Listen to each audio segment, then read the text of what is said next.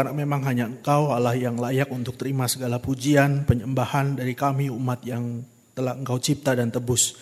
Dan kami terus berdoa supaya hidup kami hari demi hari, waktu demi waktu, itu boleh menjadi hidup yang terus memuliakan dan membesarkan namamu. Sore hari ini kami bersyukur untuk segala kemurahan hatimu. Engkau tidak hanya mengasihi kami, tetapi engkau juga mengasihi banyak mahasiswa di kampus kami. Itu sebabnya engkau menghantar kami semua di tempat ini. Itu sebabnya ya Tuhan kalau sebentar kami akan membaca bagian daripada firman Tuhan. Kami sungguh memohon supaya Tuhan boleh berkenan berbicara kepada kami. Supaya sekali lagi perjumpaan dengan firman Tuhan, dengan Kristus, itu boleh menjadi perjumpaan yang mengubah kami, menyiapkan hati kami secara khusus untuk mengikuti seluruh rangkaian Red Koordinator tahun ini. Berfirmanlah, berkati juga hambamu dalam segala kelemahan, keterbatasan, supaya Tuhan pimpin dan pakai, supaya apa yang hamba bagikan adalah hal yang bertanggung jawab, dan kami rindu itu boleh membangun kami semua. Di Kristus Sang Firman yang hidup kami berdoa. Amin. Shalom teman-teman. Saya mau tanya, ada di sini yang sudah lebih dari sekali ikut RK? Ada gak? Bisa angkat tangan lebih tinggi? Yang sudah lebih dari sekali? Wow, lumayan banyak teman-teman. Kayaknya belasan ya. Yang sudah lebih dari tiga kali. Selain Bang Rey ya, Bang Rey karena staff ya. Oke teman-teman saya bersyukur. Saya sekitar 15 tahun yang lalu ada seperti teman-teman gitu ya. Duduk e, jadi peserta RK dan itu kesempatan saya pertama kali mengikuti campnya Perkantas. Dan saya bersyukur teman-teman ternyata itu jadi satu kesempatan yang tidak akan pernah saya lupa. Gitu ya. Bukan karena saya ketemu cewek yang gimana gitu ya. Tapi karena di situ saya berjumpa dengan Tuhan Yesus yang adalah Tuhan dan Juru Selamat saya teman-teman. Dan saya waktu itu melihat bagaimana Tuhan memakai RK 8 pada waktu itu untuk menolong saya sadar betul bahwa walaupun saya Kristen dari kecil, walaupun saya pelayanan dari kecil dari sekolah minggu, tapi kalau kamu belum berjumpa dengan Kristus dan kamu belum memutuskan siapa Yesus buat hidupmu, teman-teman, maka itu nggak ada guna semua. Di situlah saya saya tidak menerima Kristus waktu dengar khotbah di KKR, teman-teman. Saya ingat betul waktu itu, waktu pause and pondering gitu ya, saya tulis gitu ya. Tuhan, saat ini saya memutuskan, saya tidak lagi mau hidup untuk diri saya sendiri. Saya mau hidup untuk Tuhan. Jadi teman-teman pengalaman itu menjadi pengalaman yang berkesan. Saya berharap kalau teman-teman ini juga pertama kali teman-teman ikut RK, teman-teman doa minta sama Tuhan supaya ini jadi pengalaman yang tidak akan pernah teman-teman lupa. Oke? Oke teman-teman ini hal yang unik karena biasanya RK itu tidak pernah dimulai dari visi pelayanan mahasiswa. Tapi RK tahun ini teman-teman kita akan memulai dengan visi pelayanan. Slide-nya udah. Oke, teman-teman saya mengajak kita untuk membuka Alkitab kita. Mari kita membuka Matius pasal yang ke-9. Kita akan bergantian membaca. Nanti teman-teman yang wanita baca ayat 35, yang pria baca ayat 36, kita bergantian sampai ayat 38. LAI memberikan judul perikop ini belas kasihan Yesus terhadap orang banyak. Yang wanita mulai lebih dahulu satu dua ya.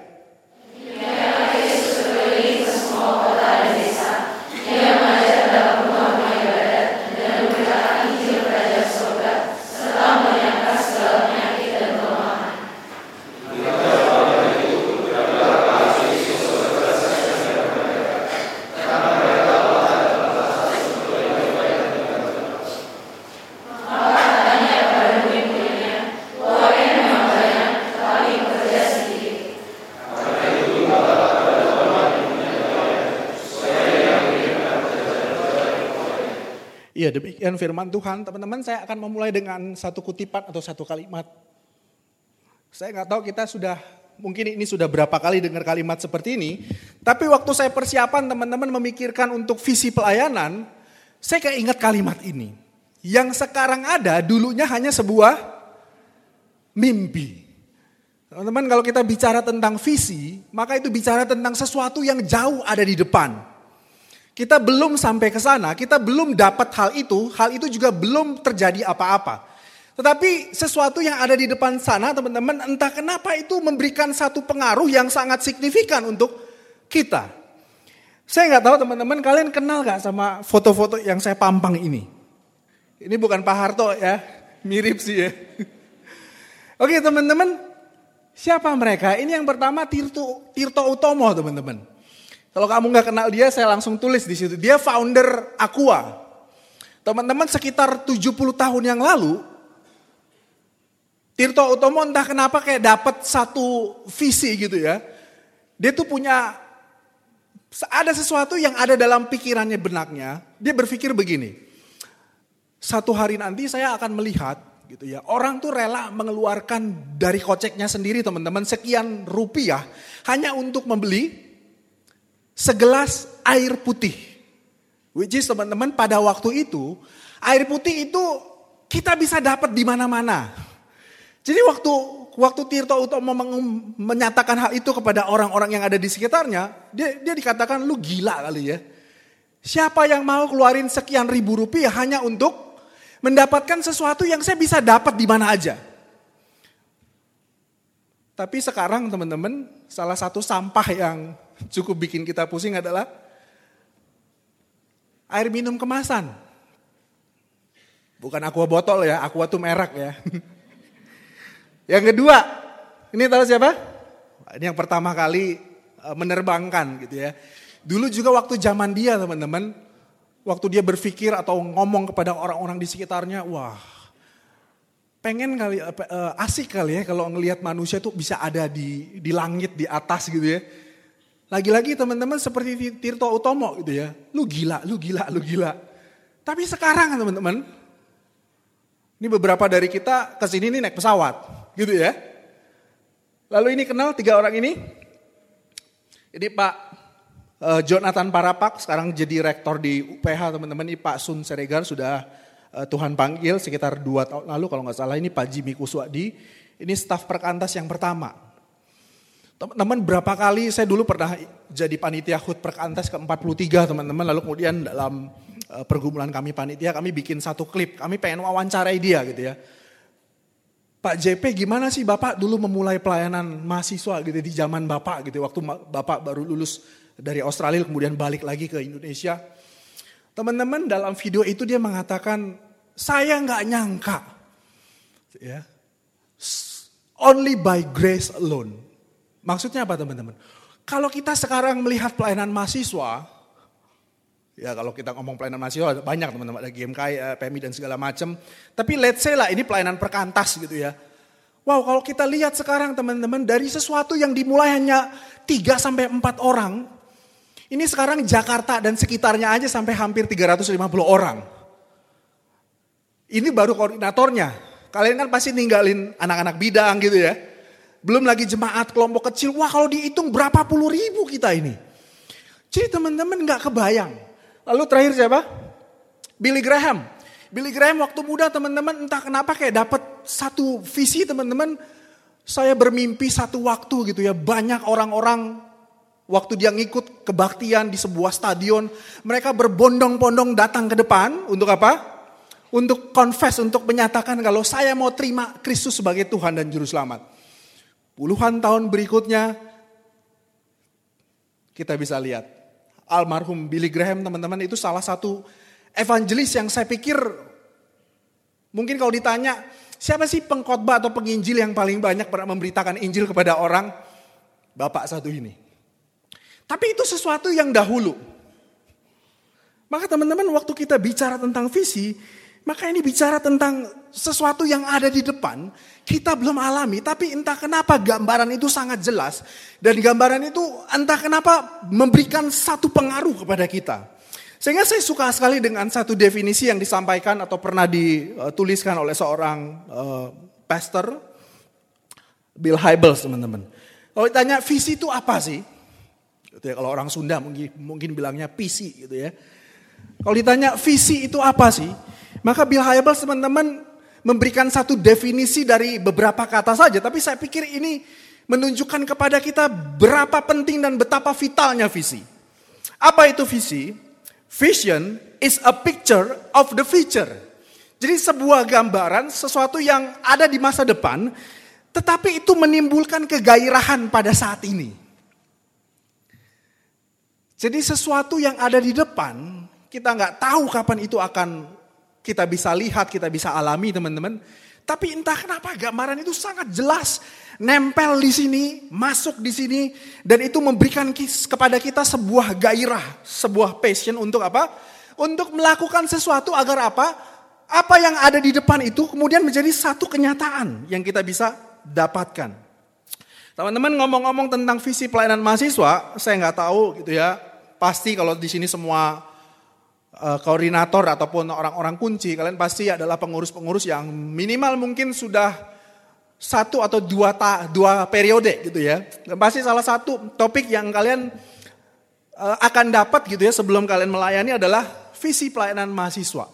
Nah saya nggak tahu berapa kali diminta untuk membagikan visi pelayanan mahasiswa. Jarang tuh saya lihat di tujuan sasaran gitu ya.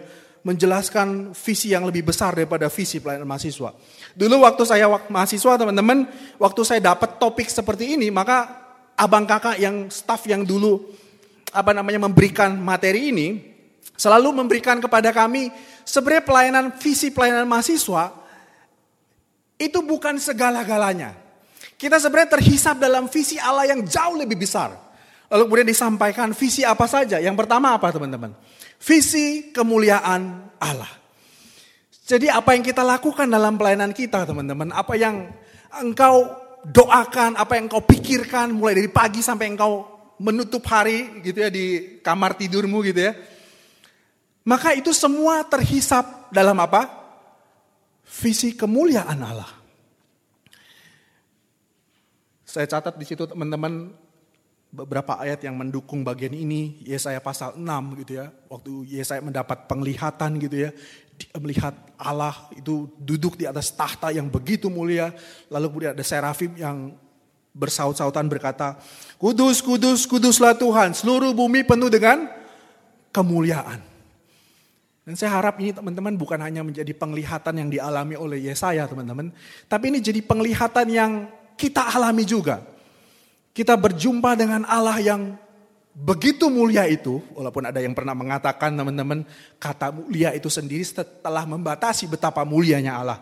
Tapi waktu kita berjumpa dengan Tuhan yang sangat mulia, yang sangat glorious itu teman-teman, entah kenapa ada sesuatu dalam diri kita yang terus, akhirnya kita entah kenapa, ya kemuliaan memang hanya bagi dia. Waktu kita berjumpa dengan sekitar kita, ketika segala sesuatu di sekitar kita itu tidak menjadikan dia yang paling mulia, entah kenapa kita langsung kayak susah hati. Dan kita berpikir gimana caranya supaya yang ada di sekitar saya itu sadar betul yang paling mulia, yang paling agung, yang paling glorious di seluruh dunia ini adalah Allah.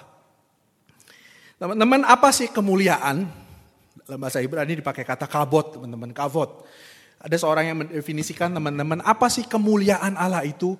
Kemuliaan Allah adalah segala sesuatu di dalam diri Allah yang weight, yang berbobot gitu ya, yang brilliance gitu ya, yang sangat membuat kita, wah apa sih itu gitu ya. Keren banget, mantap banget, glorious banget. Yang itu bisa attract, yang bisa memikat dan menarik seluruh orang yang berjumpa dengannya. Sehingga teman-teman, saya nggak heran misalkan orang-orang seperti Paulus gitu ya. Ketika dia berjumpa dengan Tuhan, kita nggak heran kalimat-kalimat yang keluar atau mimpinya apa yang paling dia inginkan dalam hidupnya adalah apa? Seperti kayak Filipi pasal 3. Saya pengen makin mengenal, makin dalam mengenal, mengalami siapa itu Tuhan. Kenapa? Karena tidak ada hal di dunia ini, siapa pun di dalam dunia ini yang jauh lebih mulia jauh lebih glorious daripada Tuhan itu sendiri. Tapi kalau kita ngelihat dalam kenyataannya teman-teman, apakah visi ini sudah kita bisa lihat? Ini menjadi sesuatu yang dialami dan diakui oleh seluruh dunia ini? Tentu saya tidak. Saya pernah baca buku teman-teman, misalkan Yuval Harari pernah tulis satu buku, Homo Deus, teman-teman. Di bagian-bagian awal dia menjelaskan begini, sebenarnya sepanjang manusia hidup gitu ya. Itu kalau dilacak, sebenarnya manusia tuh cari dua hal. Lewat kerja kerasnya, lewat mimpi-mimpinya dan segala macam. Yang pertama adalah hidup makin lama. Jadi nggak ada guna kita punya, ya mungkin ini prinsip yang kalau Yesus bilang, apa artinya kamu memperoleh seluruh dunia ini tapi jiwamu binasa. Mungkin dalam titik tertentu atau level tertentu teman-teman, uh, filosofi itu tuh ditangkap juga sama semua manusia, bahkan manusia juga yang tidak mengenal Tuhan. Apa artinya gitu ya, kita punya segala sesuatu tapi akhirnya mati gitu ya. Kan kalau mati teman-teman itu udah ditutup, selesai gitu ya kamu punya banyak jumlah di rekeningmu, kamu punya banyak properti, kamu dapatkan penerimaan dari orang-orang yang kamu inginkan. Tapi kalau hidup kamu selesai, udah itu nggak ada artinya. Sehingga apa? Semua orang bekerja keras, gimana caranya kita bisa hidup lebih lama lagi. Penemuan tentang hak asasi manusia, humanisme dan segala macam, mungkin itu sedikit bisa menjadi solusi. Karena di masa lalu salah satu yang membuat manusia mati adalah apa? Perang, pertikaian. Sehingga apa? Yaitu hukum, HAM, gitu ya, hak asasi manusia, humanisme dan segala macam diituin. Kenapa? Supaya makin sedikit terjadi perang. Kalau tidak karena perang, karena apalagi manusia meninggal, mati. Karena penyakit. Itu sebabnya apa? Dunia kedokteran sekarang makin canggih. Sekarang sudah mulai berkembang teman-teman teknologi 3D printing. Itu konon dalam waktu yang akan datang teman-teman bahkan organ-organ dalam tubuh kita yang sekarang mungkin itu jadi alasan kenapa kita nggak panjang hidupnya, jantung mungkin ya, ginjal dan segala macam. Itu besok kalau bermasalah itu tinggal dicetak aja, di implan aja. Saya enggak, saya waktu itu pernah ikut satu seminar teman-teman tentang LGBTIQ gitu ya itu pembicaranya dokter. Dia mengatakan mungkin nanti berapa ratus tahun lagi kita nggak akan pernah dengar di koran-koran atau tetangga kita, saudara kita, sahabat kita yang katanya meninggal karena apa? Penyakit jantung, asam urat, gitu ya. Kenapa? Karena sudah makin canggih. Tapi apakah gara-gara ilmu kedokteran makin canggih manusia bisa tetap hidup selama-lamanya? Tidak. Ya kadang-kadang mungkin waktu kita selesai karena apa? Lagi jalan, nyetir, tiba-tiba kita main handphone, tabrakan gitu ya. Atau kita juga nggak tahu misalkan naik pesawat, tenggelam dan seterusnya. Jadi teman-teman itu yang dicari. Tapi yang menarik yang kedua dikatakan teman-teman yang dicari apa? Satisfaction, kebahagiaan. Kalau kita runut sedikit tentang apa sih sesuatu yang membahagiakan, pasti kita akan mengatakan teman-teman sesuatu yang membahagiakan adalah sesuatu yang bagi saya itu penting dan saya bisa dapatkan. Dan kalau teman-teman coba lacak, teman-teman coba survei, apa sih yang bisa membuat manusia bahagia? Ya banyak teman-teman. Eh, Barna misalkan pernah kasih riset tentang shifting priorities gitu ya. Apa sih yang kamu lakukan dalam usia 20 tahunan di hidup kamu gitu ya? Ternyata tiga yang terbesar apa? Selesai sekolah lebih cepat, lebih tinggi. Yang kedua apa? Bisa mulai karir dan bisa dapat karir yang lebih bagus. Yang ketiga apa? Kepemilikan. Financial freedom. Jadi ternyata yang bermakna, yang membahagiakan manusia sepanjang zaman ya harta, tahta dan raisa. Gitu ya. Sehingga teman-teman, apa maksudnya saya cerita ini? Kalau tadi kita bicara tentang visi pelayanan mahasiswa itu terhisap dalam visi kemuliaan. Bahwa sebenarnya yang paling berharga, yang paling mulia, yang paling glorious, itu bukan raisa, itu bukan tahta, dan itu bukan yang lain-lain yang bukan Tuhan. Itu sebabnya kalau kita bertanya gitu ya dalam hati kita, sampai kapan sih kita harus melayani mahasiswa? Ya kalau kamu sampai kamu lulus, Ya tahu kalau Tuhan panggil jadi penilik ya berapa tahun gitu kamu jadi penilik. Tapi sampai kapan sih pelayanan mahasiswa mesti hadir di, di, kampus-kampus? Pelayanan siswa mesti hadir di sekolah-sekolah. Ya sampai seluruh bumi memuliakan Allah. Yang kedua teman-teman visi apa? Kalau pertama visi kemuliaan Allah, yang kedua apa?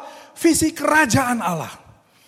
Saya jadi lupa bukunya ya, buku gambar besar dari Allah siapa namanya? Vaughan Robert teman-teman di bagian awal dia mengatakan sebenarnya kalau Alkitab itu punya tema lalu kemudian Alkitab terdiri dari banyak cerita mulai dari kejadian sampai dengan wahyu, kira-kira tema apa sih yang mengikat seluruh cerita itu?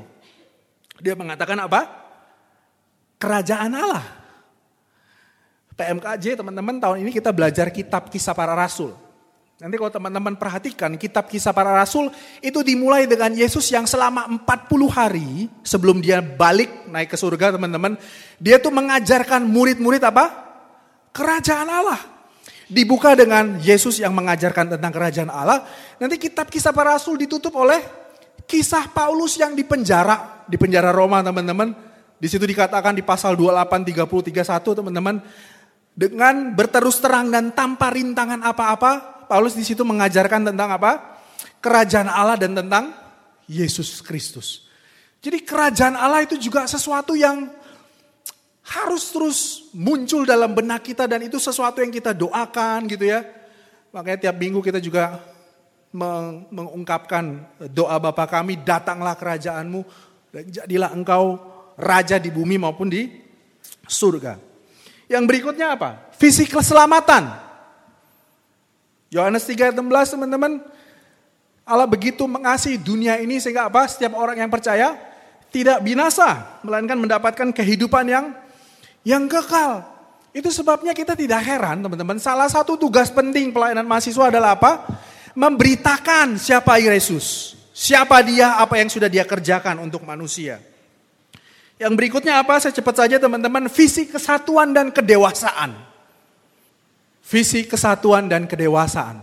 Setiap orang itu harus makin hari makin serupa dengan Kristus. Setiap orang yang serupa dengan Kristus itu makin hari harus makin satu. Paulus teman-teman dalam Efesus pasal pertama, Tuhan entah kenapa kayak kasih visi sama dia.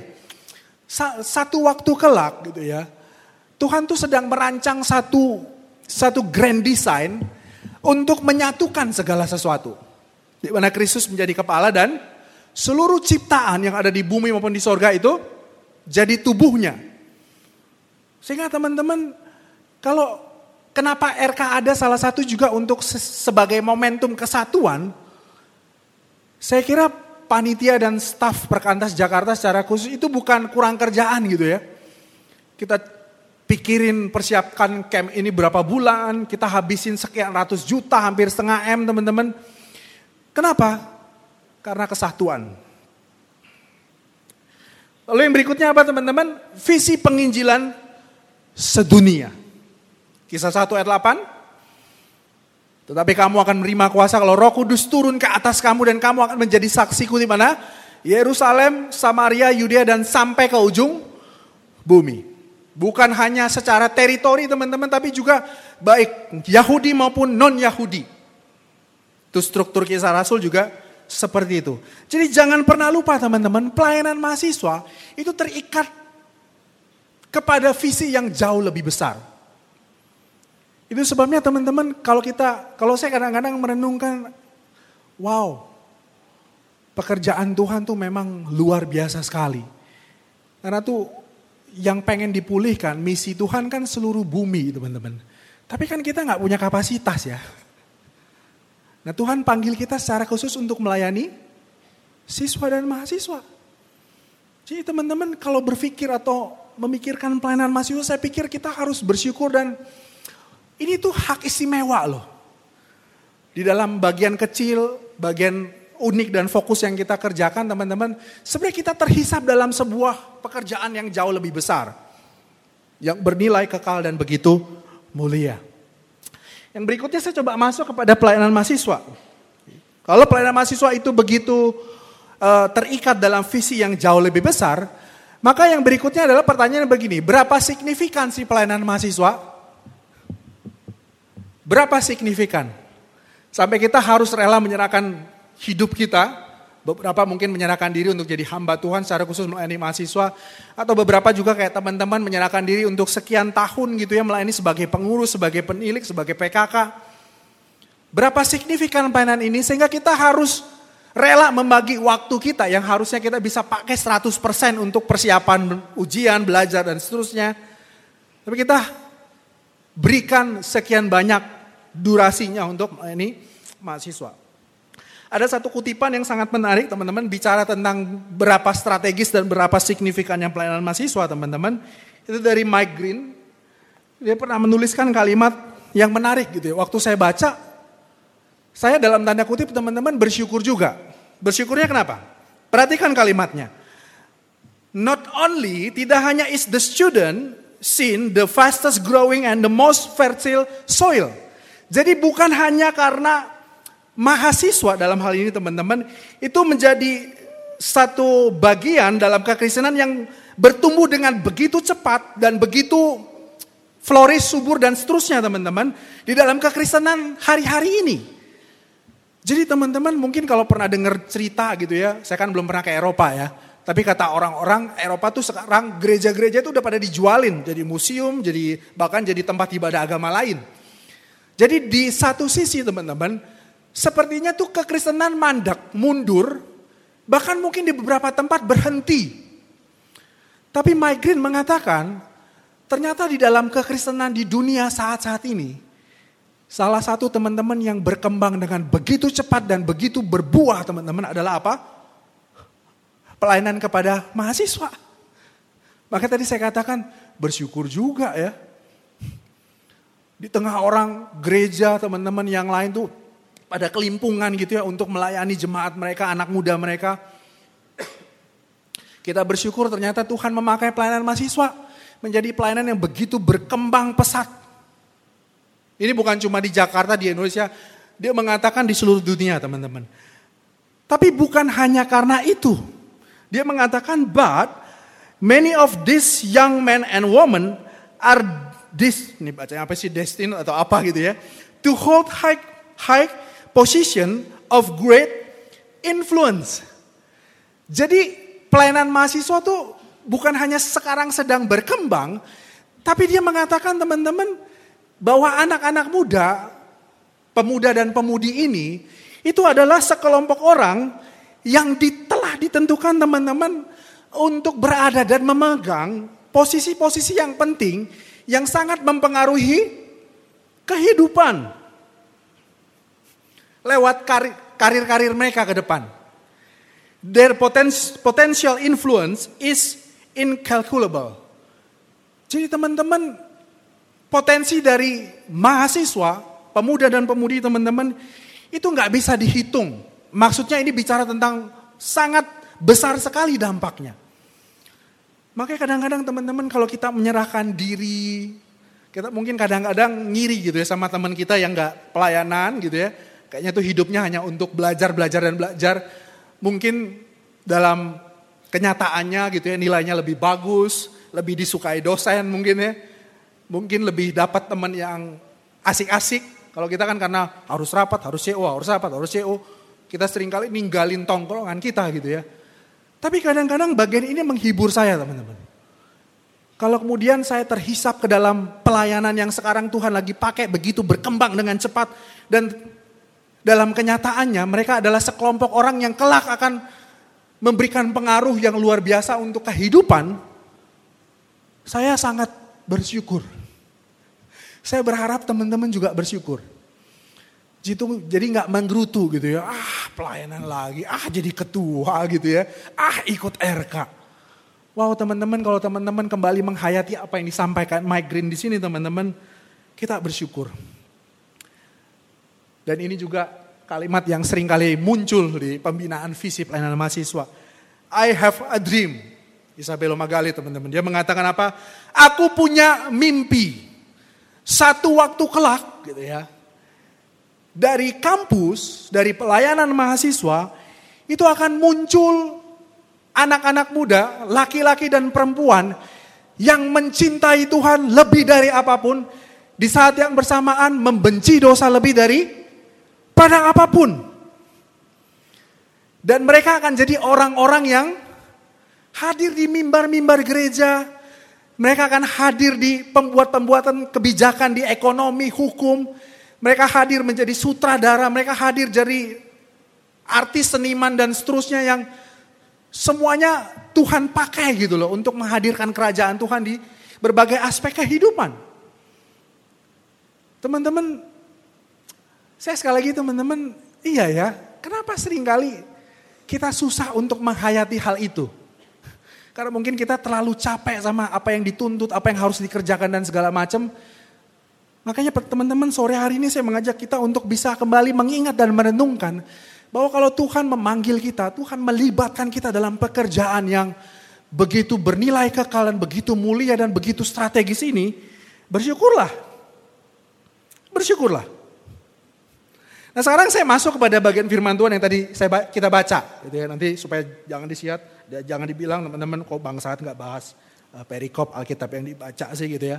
Teman-teman bagian tadi itu memberikan kepada kita satu satu report, satu laporan, satu summary dari pelayanan Yesus. Kalau kita melihat teman-teman, maka ya sepanjang uh, retret ini teman-teman kita akan belajar dari perjumpaan-perjumpaan tokoh-tokoh dalam Injil Lukas teman-teman dengan Kristus. Dan ternyata perjumpaan itu memberikan dampak-dampak tertentu, gitu ya. Maka kalau kita kalau tadi di depan saya bicara tentang visi teman-teman, maka kalau kita melihat hidup dan pelayanan Yesus, maka saya kira kalimat atau statement ini adalah statement yang tidak berlebihan.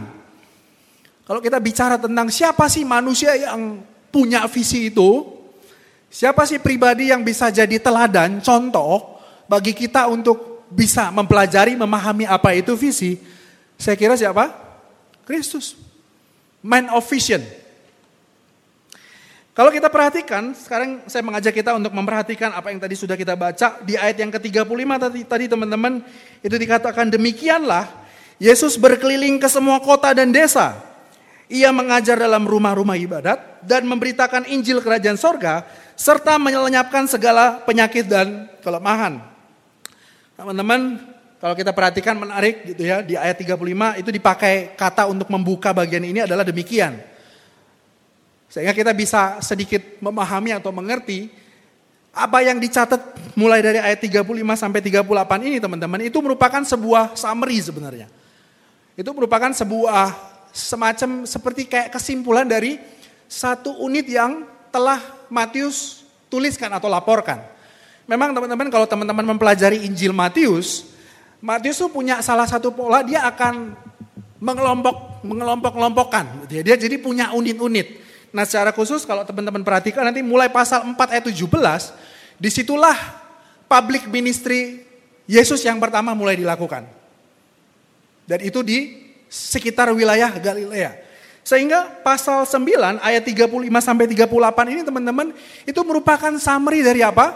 Unit yang pertama ini. Ketika Yesus memulai pelayanannya di daerah sekitar Galilea teman-teman, maka kalau coba disimpulkan atau dirangkum, apa sih yang Yesus lakukan? Maka apa? Itu yang tadi kita baca. Demikianlah. Nah apa yang dikatakan teman-teman?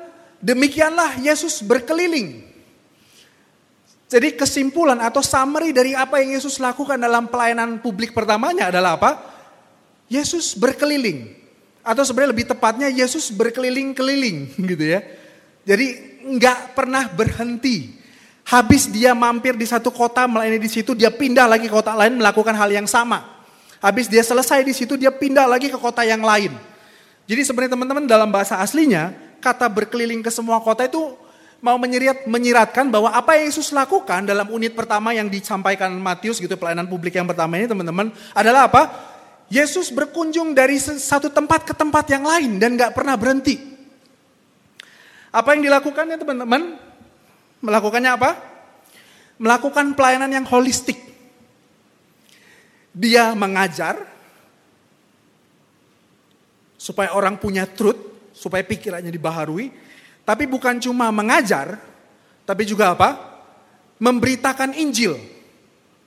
Orang selain punya kebutuhan main pikiran teman-teman yang perlu dipuaskan, kita juga punya kebutuhan spiritual. Itu sebabnya Yesus tidak hanya memberikan apa yang menjadi kebutuhan pikirannya, tapi juga apa yang menjadi kebutuhan rohaninya. Yesus memberitakan Injil kerajaan sorga. Bukan hanya peduli sama kebutuhan ini, kebutuhan spiritual, rohani teman-teman. Yesus juga peduli terhadap kebutuhan jasmani. Kalau mereka lapar, dikasih makan. Kalau mereka sakit, disembuhkan. Kalau mereka kerasukan setan, diusir setannya. Jadi ini pelayanan yang holistik. Kita kadang-kadang cuma pelayanan satu aspek saja udah capeknya minta ampun ya. Bikin PJ gitu ya, CO mesti 10 kali gitu ya. Persiapan kontak pembicara mesti hamin berapa bulan. Kadang-kadang itu sudah menghabiskan banyak energi kita. Karena kita juga harus kerjain tugas, kita harus kerja kelompok dan seterusnya dan seterusnya.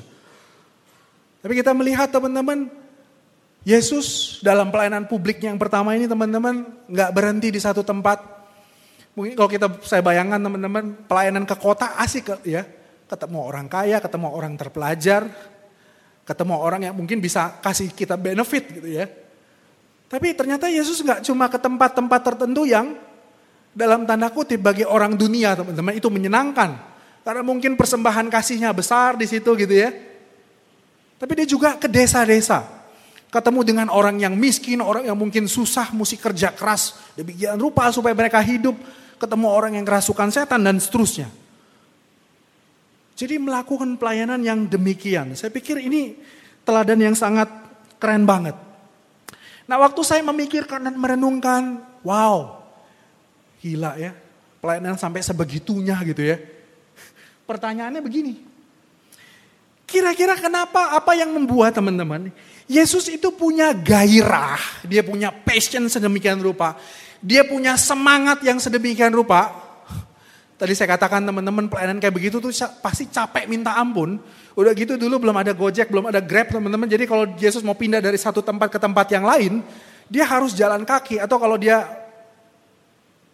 bisa bayar unta, onta online waktu itu, bisa naik onta gitu ya. Tapi poin saya capek minta ampun, tapi apa yang membuat Yesus tetap punya semangat, tetap punya kekuatan, dan dia punya penetrasi pelayanan yang luar biasa. Powerfulnya. Kira-kira apa ya? Apa yang bisa, apa sih yang membuat kita kan setuju aja ya pelayanan itu harus seperti Yesus. Cuma pertanyaannya kita nggak bisa seperti Yesus.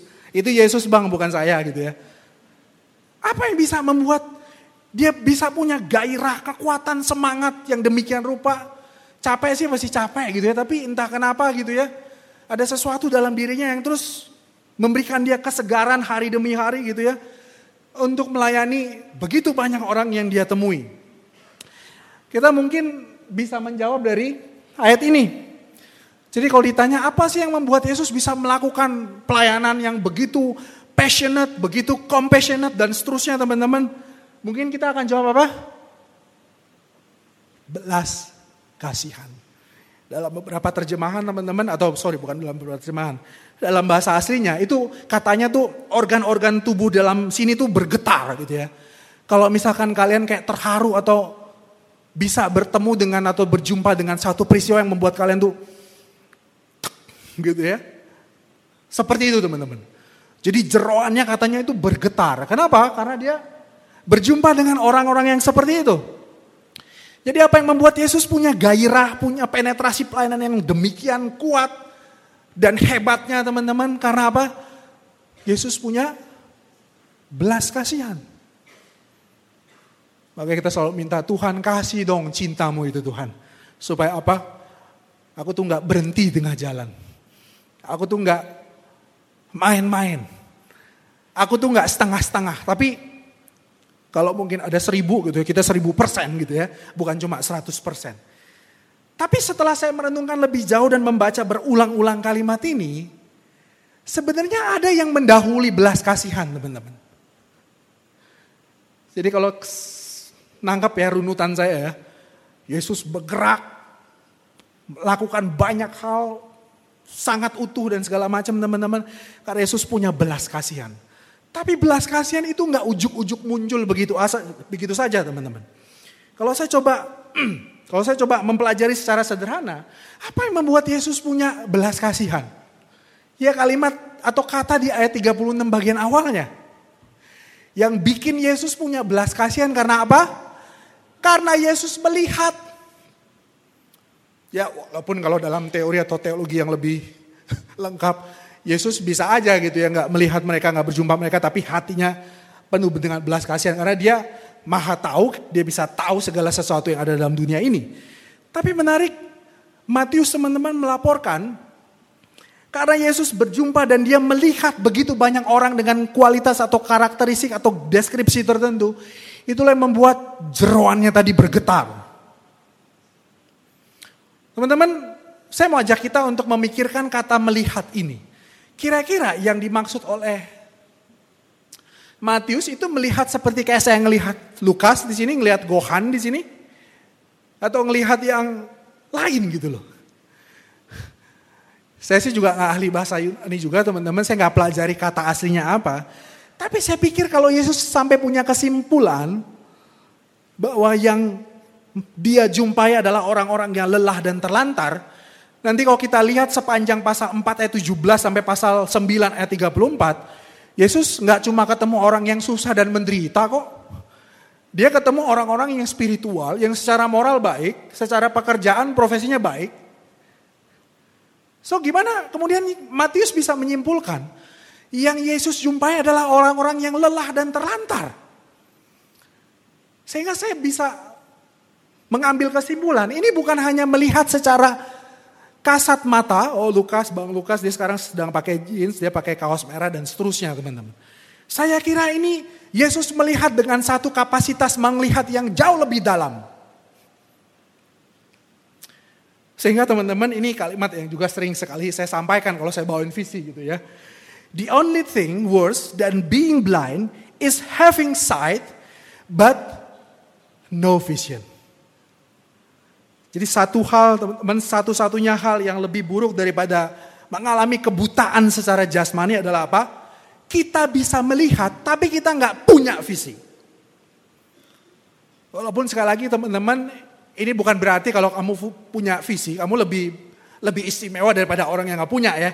Nanti saya akan sampaikan visi itu dikasih Tuhan kok gitu ya. Itu bukan karena kita pinter, bukan karena kita cukup spiritual, bukan karena kita jadi pengurus PMK kota gitu ya, bukan karena kita staff dan seterusnya.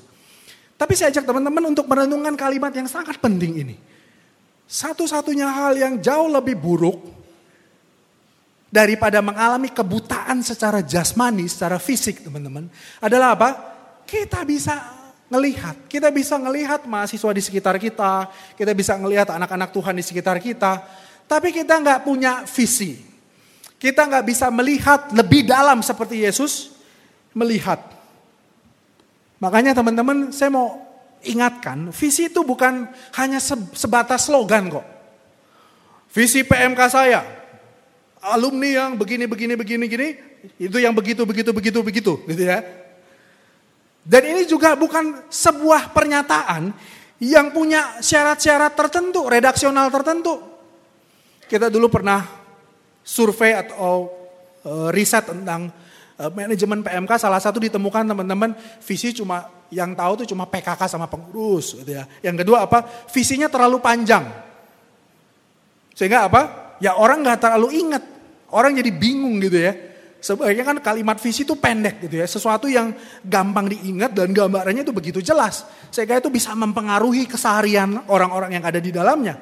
Tapi yang mau saya katakan juga teman-teman, visi bukan hanya sekedar pernyataan-pernyataan yang memenuhi syarat-syarat tertentu gitu ya. Bukan cuma slogan, bukan cuma satu kalimat yang punya persyaratan tertentu. Makanya saya suka sekali, pertama kali teman-teman saya dapat banget visi pelayanan mahasiswa itu waktu RK 8 gitu ya. Kak Erik Sudarma waktu itu bagiin tentang visi pelayanan mahasiswa. Ini kalimat yang saya ingat banget teman-teman. Ini sebenarnya juga di, dituliskan ulang di buku Our Heritage. Saya berharap kalau teman-teman pengurus kampus gitu ya, apalagi koordinator, kalau kalian melayani mahasiswa, pastikan teman-teman punya dan baca buku itu. Nggak terlalu mahal kok. Pak Erik pernah mengatakan kalimat begini teman-teman. Visi itu bukan produk nalar manusia. Berapapun produk nalar itu begitu luhur dan begitu mulia. Waktu kita baca, wah gila ya humanisme sekali ya gitu ya. Wah sangat komprehensif sekali ya. Sampai bikin kita terkagum-kagum gitu ya. Tapi dia mengatakan visi itu bukan buah pikir, bukan produk nalar manusia. Berapapun kerennya itu. Visi selalu dan harus berasal dari dari Allah. Itu sebabnya teman-teman teruslah berdoa supaya Tuhan karuniakan mata seperti mata Yesus supaya kita bisa ngalamin apa artinya sebagai seorang pengurus PKK gitu ya, koordinator yang punya visi, dapat visi. Sekarang saya masuk ke bagian yang kedua gitu ya. Waktu saya sudah singkat sekali teman-teman. Yang kedua kita bicara tentang RK sekarang. Kalau di bagian pertama saya sudah menjelaskan betapa penting, betapa mendesak dan betapa mulianya pelayanan mahasiswa, betapa strategisnya pelayanan mahasiswa. Yang kedua tentang RK-nya. Apakah worth it teman-teman kita habiskan sekian ratus juta untuk menghadirkan teman-teman untuk dengerin ceramah-ceramah seperti ini gitu ya. Kalian juga mungkin beberapa saya tahu, bukan beberapa, pasti banyak yang harus merelakan jatah bolosnya dipakai bukan untuk jalan-jalan sama pacar gitu ya. Atau liburan sama keluarga, tapi ikut RK gitu ya. Bahkan ada beberapa yang harus, mungkin kos kita tuh lebih besar lagi hanya untuk ikut RK ini. Berapa penting camp ini? Berapa penting retret koordinator? Teman-teman saya akan mencoba menjawab dengan merenungkan ayat 36 tadi. Visi yang Yesus miliki ketika dia berjumpa dengan orang yang membuahkan belas kasihan sehingga mendorong dia melakukan banyak hal teman-teman dalam pelayanannya. Di situ dikatakan teman-teman tergeraklah hati Yesus oleh belas kasihan. Karena mereka lelah dan terlantar seperti apa? Domba yang tak bergembala. Kalau kita PA sederhana, kita harus langsung berpikir, wah berarti kan ini Matius sedang bicara tentang pemimpin ya, pemimpin rohani ya. Kita kan langsung mikir, emang zaman waktu ini ditulis nggak ada pemimpin-pemimpin agama? Pasti ada, oh wong yang salipin Yesus pemimpin agama kok. Tapi pertanyaannya teman-teman, kenapa bisa manusia, domba-domba Allah, itu hidup seperti domba yang tak bergembala. Itu saya, sebabnya teman-teman saya menyimpulkan begini. Karena gara-gara banyak manusia lelah dan terlantar itu yang mendorong Yesus melakukan banyak hal di dalam hidupnya teman-teman. Maka saya melihat memang betapa vitalnya kehadiran pemimpin di dalam kehidupan, di dalam masyarakat. Pemimpin mungkin secara kasat mata secara struktural ada. Kita punya presiden, kita punya Pak RT, Pak RW, Bu Lurah, Pak Lurah, dan seterusnya gitu ya. Tapi kalau mereka tidak melakukan tugas dan peran mereka sebagaimana mestinya, lelah dan terlantar orang-orang yang ada di sekitarnya. Itu sebabnya vital sekali kehadiran seorang pemimpin. Pemimpin yang punya visi gitu ya kalau mungkin teman-teman baca bukunya Pak Senjaya, itu kayaknya jadi salah satu buku yang teman-teman wajib baca gitu sebagai peserta. Maka di situ dia memberikan sistematika pemimpin tuh kalau kita mau lihat apa sih yang harus dia punya, maka apa? 3K ini. Dia harus punya konsep yang jelas tentang apa itu leadership. Dia juga harus punya karakter. Karena punya konsep tapi nggak punya karakter, kamu nggak akan jadi pemimpin yang kuat. Begitu juga apa? Harus punya kom kompetensi. Sehingga teman-teman kalau teman-teman tanya, ini saya nggak sih habisin ratusan juta? Saya nggak sih habisin sekian hari, sekian mata kuliah yang saya harus tidak hadiri gitu ya? Teman-teman kalau kita kembali menghayati betapa vitalnya, betapa tidak bisa tidak seorang pemimpin punya ini teman-teman. Kita mungkin akan lihat RK hanya sekedar kumpul-kumpul, nyanyi-nyanyi, dengar khotbah, nangis-nangis mungkin nanti gitu ya. Tanpa kita mengerti betapa mengerikannya kehidupan manusia, domba-domba Allah kalau mereka punya gembala tapi nggak bisa jadi pemimpin yang semestinya. Berikutnya saya masuk kepada satu kata kunci RK tahun ini teman-teman adalah apa? Perjumpaan, encounter. Kenapa ini penting? Tentu saja setelah kalian mengikuti seluruhnya, kalian akan mengerti kenapa itu penting. Tapi mungkin di depan ini saya akan kasih sedikit cicipan gitu ya. Kenapa ini kemudian jadi satu hal yang penting untuk diangkat? Teman-teman, setelah saya coba merenungkan perjumpaan dengan Tuhan, mengalami kehadiran Tuhan dalam keseharian kita teman-teman, itu jadi satu hal yang tidak bisa tidak kita harus terus menerus alami. Teman-teman jangan salah mengerti gitu ya. Ini tidak ber saya kita kadang-kadang ini dugaan saya gitu. Kita kadang-kadang berpikir mungkin seorang pemimpin Kristen perjumpaan yang paling utama dan satu-satunya mungkin adalah apa? Perjumpaan ketika kita bertemu dengan dia dan kita menjadikan dia sebagai Tuhan dan juru selamat. Itu kan lagunya banyak ya. Marolopo, loptondiki, dunjung pa, Yesus. Jadi hatiku tuh meluap-luap penuh dengan sukacita ketika saya mengingat pertama kali saya ketemu Kristus. Teman-teman jangan salah mengerti, itu bukan berarti kita nggak butuh perjumpaan yang lain karena itu perjumpaan satu-satunya yang kita harus miliki.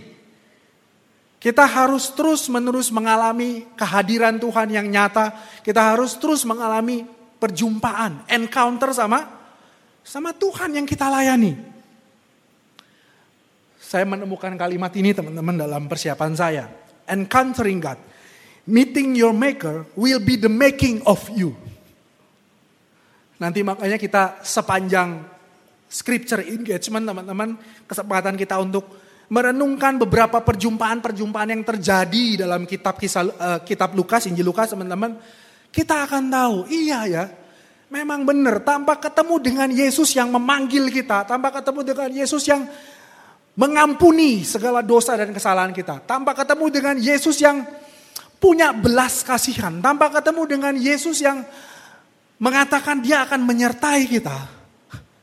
Kita nggak akan punya sedikit pun kekuatan untuk menjalani panggilan kita sebagai pemimpin. Jadi meeting your maker will be the making of you. Ini yang terakhir. Bagaimana aku mengikuti RK? Maksudnya bagaimana saya bisa menikmati semaksimal mungkin keikutan ke, keikut sertaan saya di RK teman-teman. Ada tiga.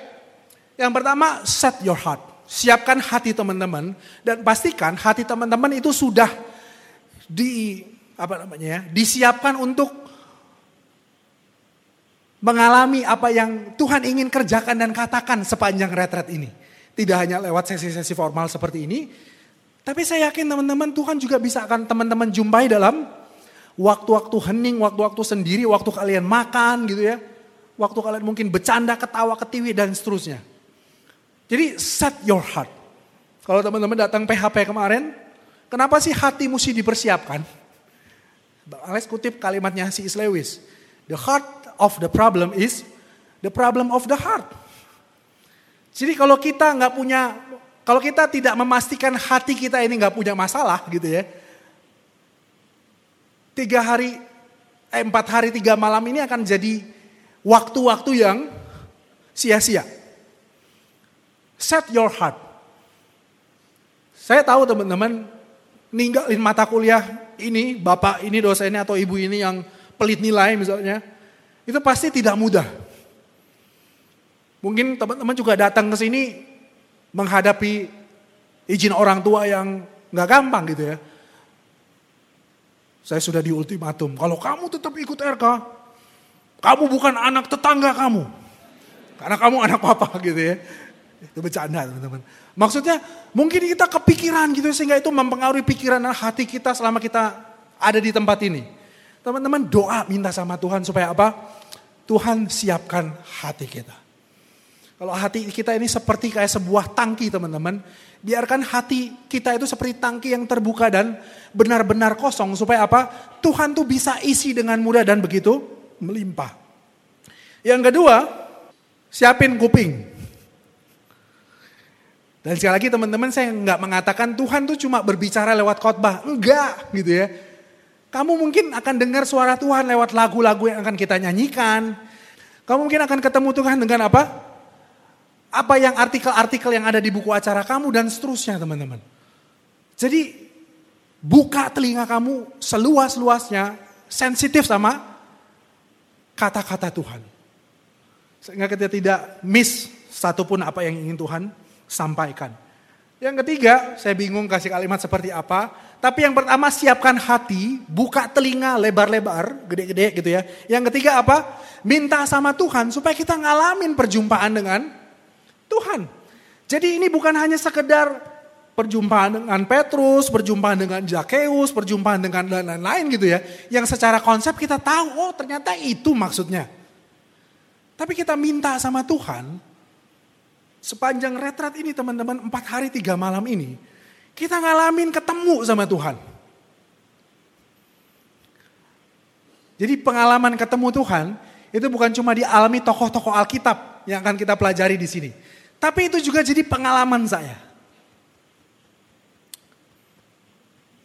Tiga itu teman-teman, dan saya terakhir akan menutup dengan kalimat ini. Hanya mereka yang telah dan terus menerus berjumpa dengan Kristuslah yang akan sanggup mengerjakan pekerjaan-pekerjaan Kristus. Kiranya Tuhan menganugerahkan kepada kita perjumpaan-perjumpaan dengan Kristus. Amin. Mari kita berdoa. Saya minta dengan kasih Bang Indra maju ke depan untuk bersyukur atas firman Tuhan dan doakan supaya empat hari tiga malam ini boleh menjadi kesempatan yang berharga dan bernilai kekal bagi kita semua yang ada di tempat ini. Bapa di dalam surga kami bersyukur untuk kesempatan yang Tuhan anugerahkan kepada kami. Untuk sekali lagi boleh berada di tempat ini. Untuk menyiapkan hati kami, menyiapkan diri kami. Untuk Tuhan pakai untuk satu panggilan mulia yaitu untuk melayani mahasiswa. Mahasiswa yang kelak akan menjadi pribadi-pribadi yang akan mengubah dunia, yang akan mendatangkan kerajaanmu di tengah-tengah dunia ini. Ya Tuhan, kiranya visi itu boleh ada di dalam hati kami. Visi itu boleh ada, boleh kami hidupi, boleh kami hayati sebagai bagian dari rencana besarmu untuk umatmu ya Tuhan. Kami bersyukur ya Tuhan bahwa kami sekali lagi boleh melihat visi yang kami kerjakan di dalam pelayanan mahasiswa bukanlah visi yang mengada-ngada, bukanlah visi yang hasil turunan dari alumni-alumni kami, dari generasi sebelum kami. Tetapi kami boleh melihat bahwa visi itu lahir dari hati Tuhan Yesus. Visi itu lahir dari belas kasihanmu terhadap manusia. Dan sekali lagi, kami mau ya Tuhan, masuk terhisap di dalam visimu. Mengerjakan apa yang boleh harus kami kerjakan.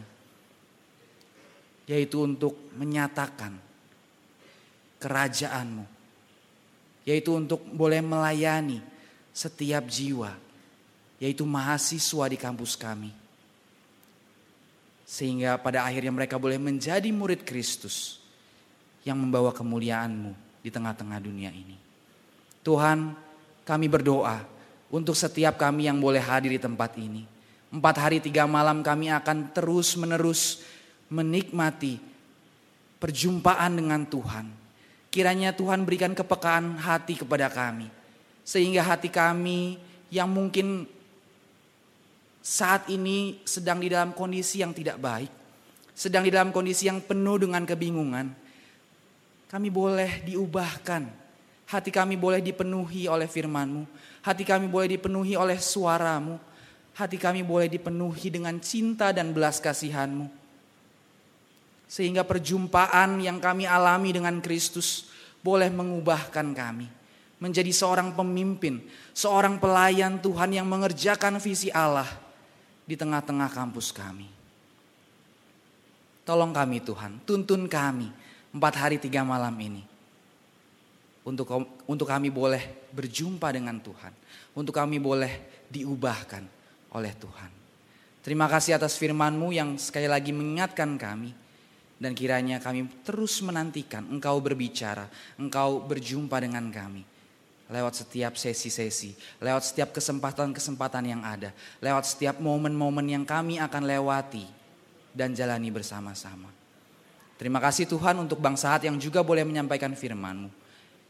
Kiranya juga Tuhan boleh pimpin dia dan sertai dia. Di dalam nama Tuhan Yesus kami berdoa, kami bersyukur. Amin. Saya